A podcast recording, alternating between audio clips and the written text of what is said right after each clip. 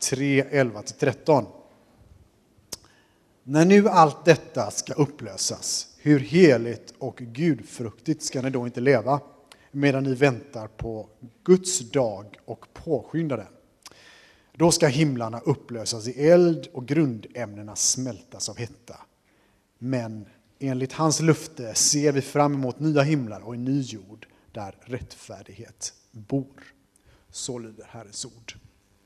Gud, vi tackar dig.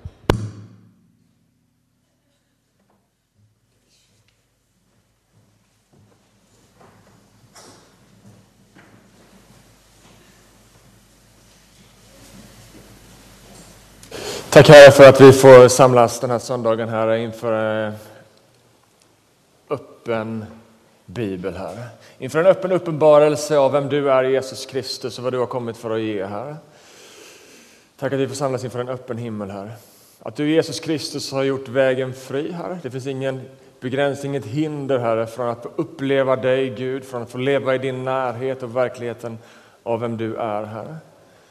Jag ber att den sanningen skulle få sjunka ner djupt i vårt hjärta den här söndagen här och kanske gå upp som ett ljus för första gången för någon som ännu inte känner dig att wow, jag kan leva i gemenskap med Gud. Jag ber att det skulle ske. Det kan bara ske, inte genom mina vackra ord, Herre, utan genom din goda närvaro, Herre. Jag tackar dig för det, Herre. Jag ber att du håller mig i ditt grepp, heligande. Så att jag får förkunna ditt ord och inte bara mina egna tankar, Herre, utan ditt ord, ditt tilltal, Herre. I Jesu Kristi namn. Amen. Glad första advent denna härliga tid. Jag vet inte, jag är ju fortfarande som ett barn, det vet ni som känner mig. Det innebär att jag älskar julen och älskar allt som har med, med det att göra när man går in i december och det är okej okay att dricka glögg. Men det är okej okay att öppna glöggen på sommaren också tycker jag. Men det är lite mer okej okay när det börjar bli jul, eller hur? Julstämning och julmusik. Och på något sätt det är en sån god kontrast. Jag vet inte hur det är för dig, men för mig så är november Ja, det är en mörk månad för alla är det, att det är korta dagar och sådär. Men liksom, november är liksom mulet, mörkt och man bara känner liksom, ju längre november går att ju mörkare blir det.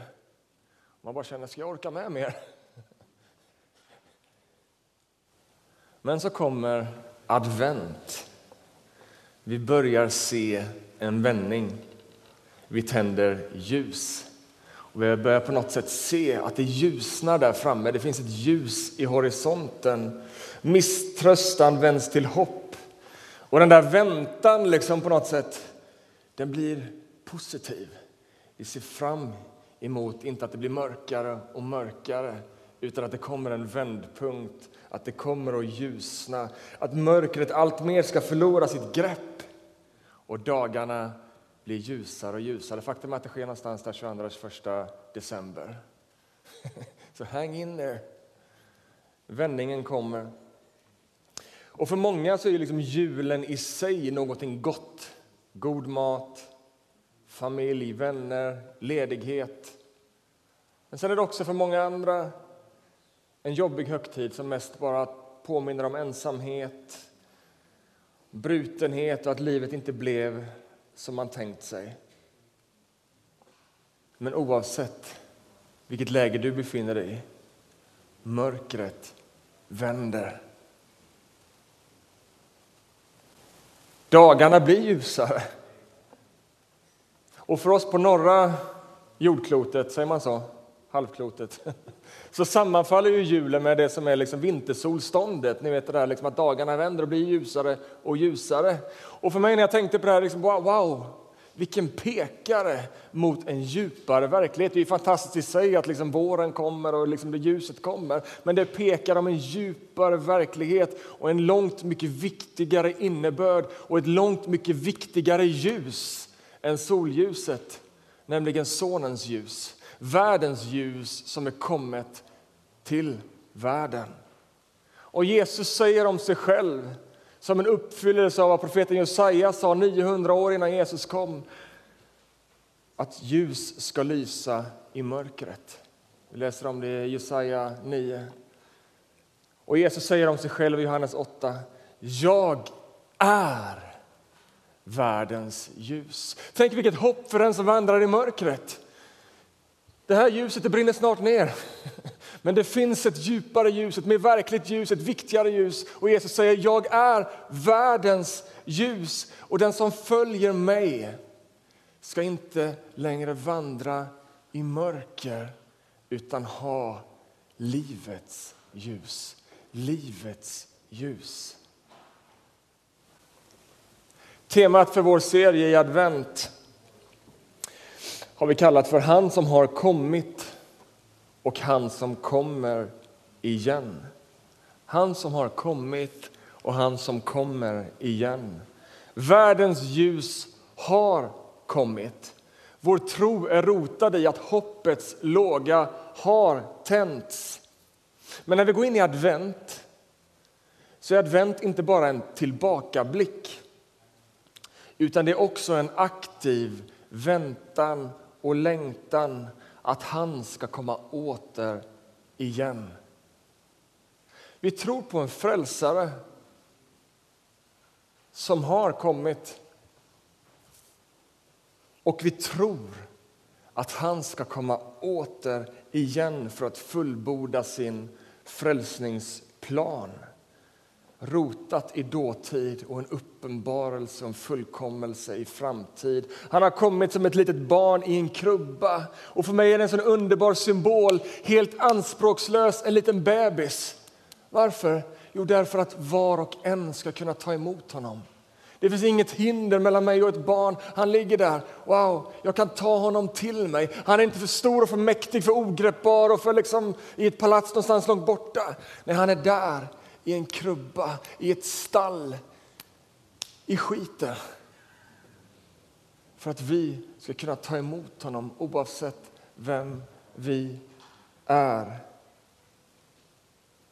Men han ska åter komma igen. Och vi hörde om det i dagens bibeltext, några få verser om hans återkomst. Han ska komma åter igen och då ska han komma som en kung klädd i härlighet, makt och ära triumferandes över mörker, över synden, över ondskan och över döden. Wow! Och då kommer han, som dagens text sa, med en ny himmel och en ny jord för att fullkomna det verk han påbörjade på korset för att fullborda sin frälsningsplan och det ljus som vi sett lysa i mörkret det ska nu inte längre lysa i mörkret därför att det kommer att utplåna allt mörker så att inget mörker längre kommer att finnas. Vilken dag när Kristus ska lysa som solen. Wow! Vänner, det är advent. Det är advent. Hoppets låga är tänt. Därför vet vi att han åter kommer att komma igen. Och idag så har jag det spännande temat att tala om att vänta och påskynda hans ankomst. Och det är just precis det jag ska tala om. Att vänta på hans ankomst och att påskynda hans ankomst, vad nu det kan betyda. Dagens text som vi har hört, vi läste bara tre verser. Jag tror att förra veckan så predikade jag över två verser. Så nu ökar vi. det är tre verser. Det är en kort text, men det är taget ur ett större sammanhang som undervisar om Jesu återkomst, där Petrus talar om när Jesus ska komma tillbaka och vad som kännetecknar tiden för hans ankomst. Och Det finns en del sådana här texter i Bibeln och många har velat använda texter likt den texten vi har idag för att på något sätt liksom sitta och räkna ut när ska Jesus komma tillbaka. liksom så här, kan det vara den 22 januari? Liksom, och man håller på och liksom spekulerar kring när han ska komma tillbaka. Problemet med det är att det gör att vi missar poängen med undervisningen. Om det är det vi letar efter i texten, som i dagens text, så är det risk att vi missar vad Petrus egentligen vill säga. Därför att Jesus, han säger att ni kan inte veta när jag kommer tillbaka. Jag vet inte, den heliga änglarna vet inte, endast Fadern i himlen vet när sonen ska komma tillbaka. Så poängen med te Bibelns texter om Jesu återkomst är liksom inte att bli så speku liksom sitta och spekulera. När kan det vara? Hela tanken med Nya testamentets undervisning om den sista tiden, eller det som man kallar för den yttersta tiden, alltså tiden från Jesu himmelsfärd, det är att säga att från den tiden Jesus lämnade jorden så lever vi i de sista av dagar. Vi lever i den yttersta tiden, vi lever i slutet. Vi lever i den tiden då han ska komma tillbaka. Kan vi veta exakt när? Nej. Men vi kan veta att vi lever i den tiden i vilken han ska komma tillbaka.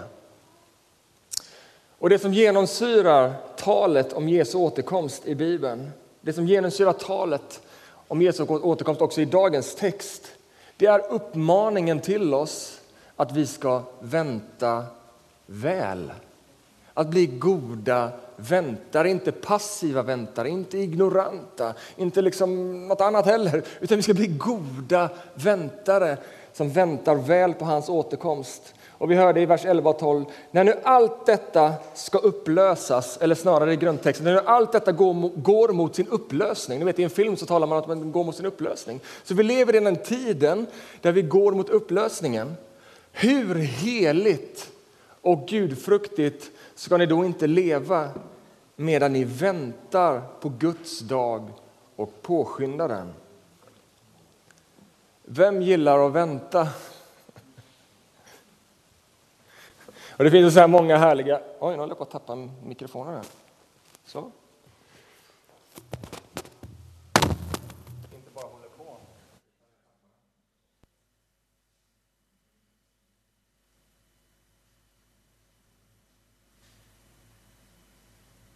Det finns en massa roliga uttryck om att vänta. Inget är som väntans tider. Den som väntar på något gott väntar aldrig för länge. Och ni vet, man kan fortsätta hur länge som helst.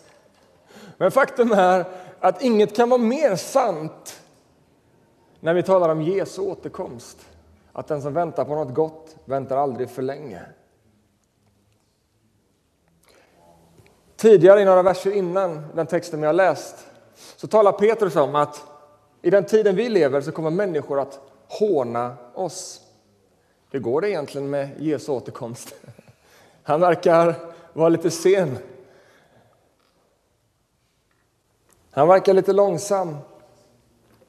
Men att vänta väl, det är att leva sitt liv i ljuset av att han kommer åter, vare sig det är imorgon eller om det är om 500 år. Oavsett vad människor säger, hur går det? Liksom där, det verkar lite som han inte liksom är, är på hugget. Vet ni vad? I sammanhanget så säger Petrus att för Gud är en dag som tusen år och tusen år som en dag. Vad Petrus säger det är att, att leva sitt liv i ljuset av att han kommer åter. Det är liksom att även om han dröjer eller inte, det förändrar ingenting. Hur väntar vi väl? Ja, men vi inte som, jag vet liksom när jag skulle städa mitt rum när jag var liten. Liksom, nu sticker jag och handlar, säger mamma, och så städar du ditt rum under tiden. Och vad gjorde jag istället? Jag lekte med leksaker eller gjorde något annat. Och sen, eh, liksom när man hörde liksom bilen på uppfarten, eh, bara fixa lite snabbt. Liksom. Men att vänta väl, det är ju inte att liksom tänka att ah, ja, jag är en ögontjänare som fuskstädar rummet lite grann innan morsan kommer hem. Utan det är att vi är ett folk som lever heligt och gudfruktigt som ett sätt att leva därför att det är så vi vill leva. Därför att det är så vi vill leva. Det är inte bara liksom, han kanske kommer imorgon, jag måste göra Nej, vi vill leva heligt och gudfruktigt. Därför att vi har mött någon, vi har mött Gud själv som har förändrat vårt liv på ett sånt sätt så att vi vill leva på ett annat sätt. Inte som nej, men nu måste jag fixa ordning i rummet innan mamma kommer hem. Utan vi vill ha ordning och reda. Vi vill leva liv i ljuset av att han ska komma tillbaka. Vi vill leva våra liv på det sätt som han har skapat oss för. Jesus själv i Matteus 25 han berättar en liknelse, och för dig som har saknat liknelser, vi har haft en serie om liknelser, så kommer här en liknelse till. Han berättar en liknelse på samma tema, och han säger så här. Då, alltså vid hans återkomst, då skall himmelriket bli som när tio jungfrur tog sina lampor och gick ut för att möta brudgummen. Fem av dem var oförståndiga och fem var kloka. De oförståndiga tog sina lampor, men tog inte med sig någon olja medan de kloka tog olja i kärlen tillsammans med sina lampor. När brudgummen dröjde blev de alla dåsiga och somnade. Vid midnatt hördes ett rop. Brudgummen är här, gå ut och möt honom. Då vaknade alla jungfrurna och gjorde i ordning sina lampor. De oförståndiga sa till de kloka, ge oss av er olja, våra lampor slocknar. De kloka svarade, den skulle inte räcka både till oss och till er. Gå istället till dem som säljer och köp. Men när de hade gått iväg för att köpa så kom brudgummen och det som var redo gick med honom in till bröllopsfesten och dörren stängdes. Till slut kom de andra jungfrurna tillbaka och sa Herre, Herre, öppna för oss. Men han svarade, jag säger er sanningen, jag känner er inte. Håll er därför vakna, för ni vet inte vilken dag eller timme han kommer.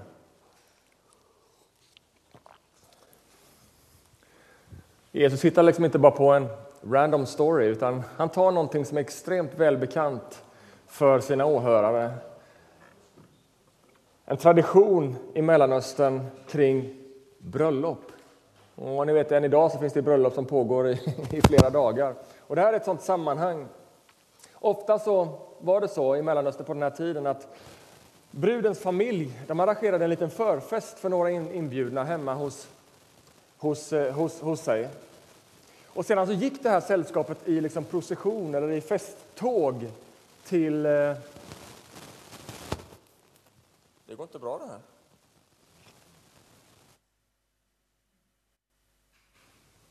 Nu brusar det inte va?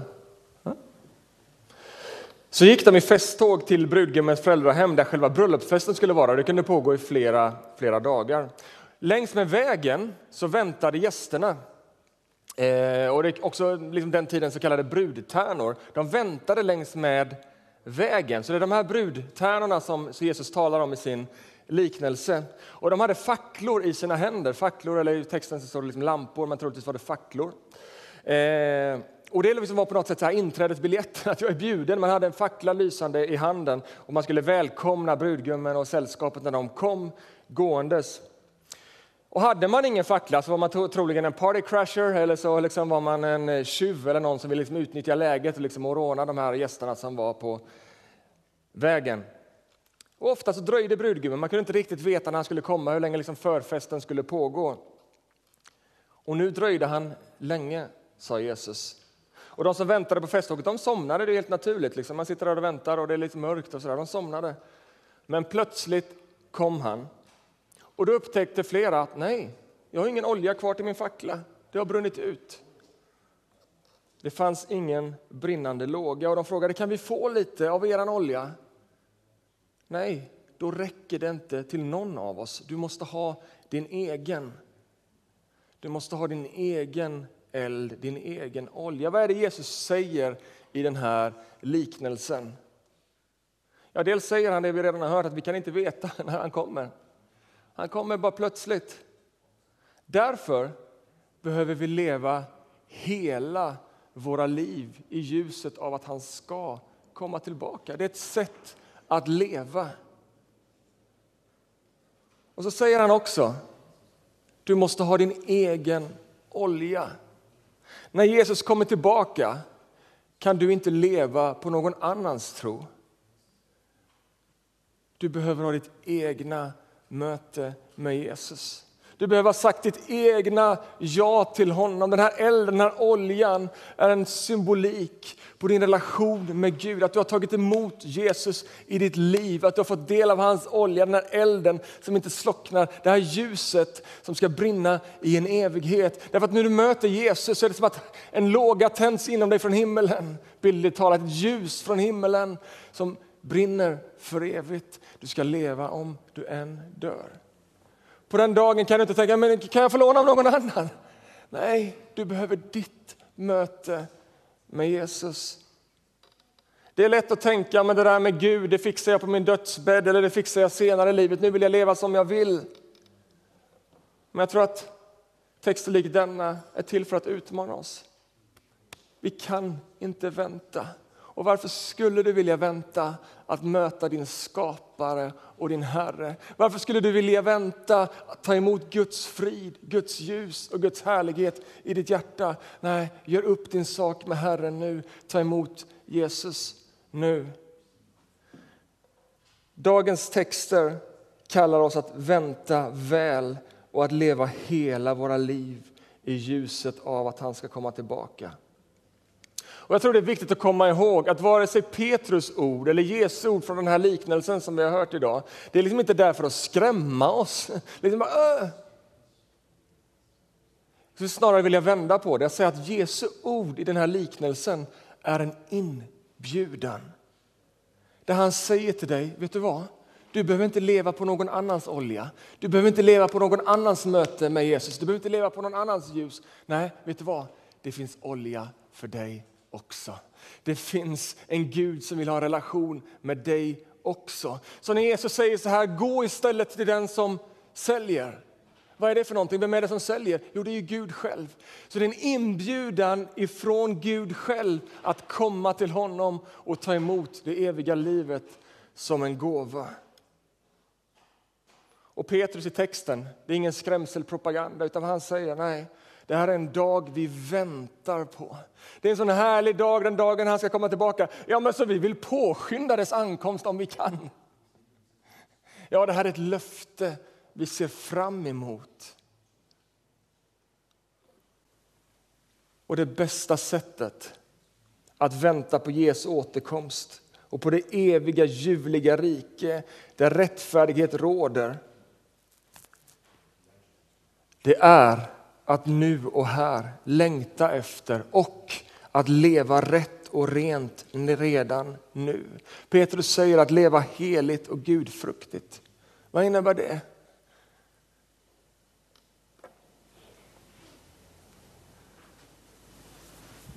Petrus säger att vänta väl, det är att leva heligt och gudfruktigt. Vad innebär det? Jo, det är att låta evangeliets kraft, den kraft som i mötet med Jesus har förlåtit dig all din synd. När du säger ditt ja till Jesus så blir ditt liv förvandlat. Du får del av det eviga livet, av Guds gåva. Du behöver inte göra någonting. Det är inte en, förtjän, en religion där du ska förtjäna dig din väg fram till Gud. Utan det är bara att säga ditt ja till Jesus. Ditt liv blir förvandlat. Det finns en kraft i att säga ja till Jesus som förvandlar ditt liv. Och det här är inte bara en kraft i frälsningsögonblicket utan en kraft som vill förvandla ditt liv. Att leva rätt och rent här och nu. Att leva för Gud, att leva så som han har tänkt för dig. Det är att leva heligt och gudfruktigt. Att låta nådens kraft få förvandla dig varje dag. Att varje dag, Herre, jag vill leva för dig. Herre, jag vill leva så som du har skapat mig att leva.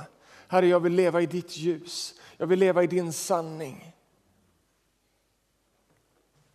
Det är att bli ett folk, att bli en människa som väntar väl, som lever i ljuset av att han ska komma tillbaka.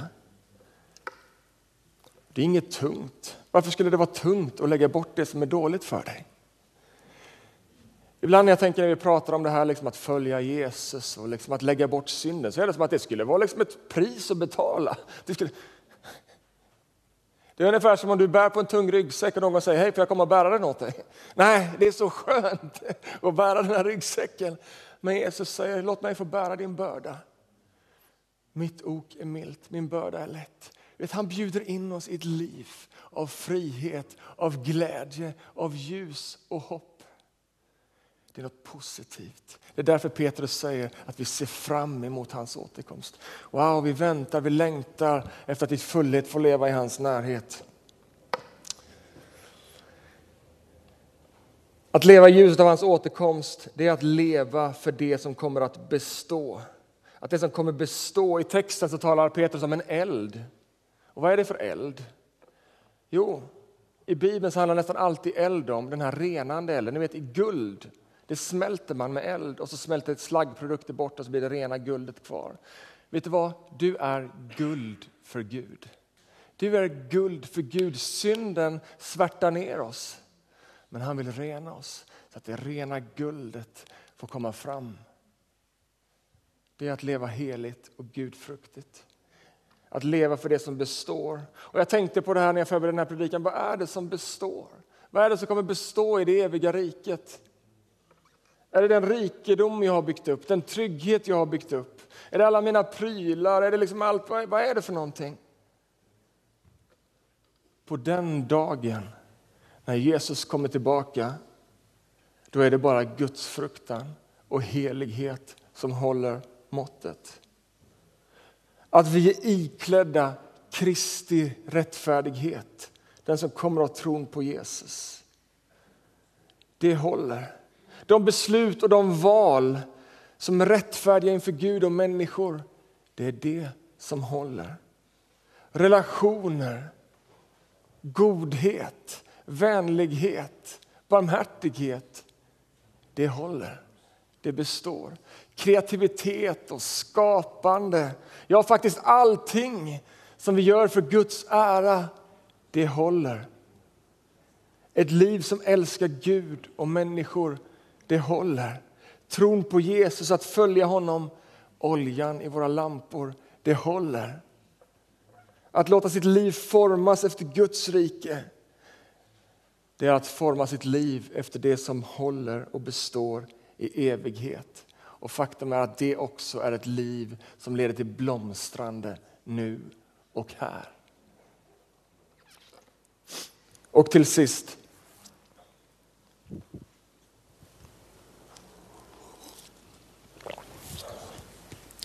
Så är det också ett liv som påskyndar hans ankomst, säger Petrus. Vilka märkliga ord. Tider och stunder vet ingen, men vi kan påskynda hans ankomst. Vad betyder det här? Jag ska vara helt ärlig, jag vet inte exakt. Och jag tror ingen kan svara på den här frågan. Så nu har jag en punkt i min predikan, en av två punkter, jag kan inte svara på den. Att påskynda hans ankomst. Men det vi kan förstå, det är att Petrus vill bjuda in oss att leva liv som behagar Gud, liv som är i linje med Guds vilja. Och En sak som tydligt framgår av sammanhanget det är att hans vilja det är att fler människor ska lära känna Jesus och få del av det eviga livet. Lyssna här vad Petrus säger i verserna precis innan dagens text. Glöm inte detta, mina kära, att för Herren är en dag som tusen år och tusen år som en dag. Det är inte så som många tror, att Herren är sen med att infria sitt löfte. Nej, han väntar för er skull eftersom att han inte vill att någon ska gå förlorad utan att alla ska ha tid att vända om. De här verserna ligger till bakgrund när Petrus talar om att påskynda Jesu ankomst. Ni vet kyrkans primära kallelse det är att göra Jesus känd och att göra lärjungar. Så varför dröjer Jesus med att komma tillbaka? För världens skull. För vår skull, för människors skull. Han väntar för er skull eftersom att han inte vill att någon ska gå förlorad. Så det här liksom att påskynda hans ankomst, det är som att det är en uppmuntran från Petrus. Att eftersom Jesus dröjer för att fler ska bli kristna, det är den ena parametern. Den andra är att vi längtar efter hans ankomst.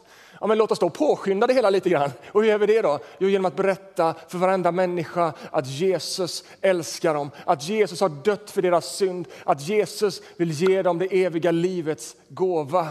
Så jag tror liksom, kanske inte det är faktiskt att vi kan påskynda hans ankomst, men det är lite som Petrus på något sätt bara vill uppmuntra oss att leva för det som verkligen betyder någonting, det som verkligen består. Människor som får ta emot det eviga livet ifrån Gud. Att vänta väl är att följa Jesus och leva för det, för det som består. Att vänta väl är att leva för att fler och fler ska få uppleva Guds livsförvandlande kraft i mötet med Jesus. Vi är ett väntande folk. Vad väntar vi på? Vi väntar på mötet med vår älskade frälsare och Herre. Och säger Petrus, och vi längtar och väntar och vi ser fram emot nya himlar och en ny jord där rättfärdighet bor. En ny jord. I grundtexten så talar inte det om en ny... Ja, men vad är det frågan om? Så talar inte det om en, en ny jord i substans, utan en ny jord i kvalitet. Det är inte så att den här jorden ska försvinna någonstans eller liksom brinna upp och förstöras. Det är inte så det verkar som, utan det är en ny jord i kvalitet. Det verkar inte heller som att vi ska iväg någonstans, som att vi ska upp till himlen. Utan hela budskapet som evangeliet presenterar är hur Jesus kommer ner till jorden och hur han återigen ska komma ner med himlens härlighet. Och det jordiska och det himmelska ska återigen förenas. Det som gick förlorat i syndafallet, det ska återigen förenas. En ny himmel och en ny jord. Och då som Paulus säger, det förgängliga ska kläs i oförgänglighet och det odödliga, eller det dödliga i odödlighet. Vilken dag! Tala om ny kvalitet. En värld och en mänsklighet ofördärvad av syndens makt. En värld utan synden och dess konsekvenser. Utan miljöförstöring, utan girighet och jämförelse, utan fattigdom och lidande, utan sorg och utan död. Livet är inte tänkt att ha ett slut. Livet utan synden är ett liv utan slut. Det är ett liv som lever, som frodas och utvecklas i evighet. Det är ett liv som Jesus har kommit för att ge. Det är ett liv som hela hans skapelse ska klä sig vid hans återkomst. Och det är detta livet vi kallar att presentera för varje människa över hela jorden. Och som kyrka, i adventstid och i alla tider, så vill vi förkroppsliga detta. Vi vill följa Jesus ut i vår stad och ge detta livet vidare till varje människa. Amen. Ord, Herre. Jag ber att ditt ord, Herre, ska verka i våra hjärtan, Herre. Tack, Herre, för att du är här med din heliga Ande. Jag ber att slutet av den här gudstjänsten ska få bli ett möte med dig, Herre. I Jesu namn. Amen.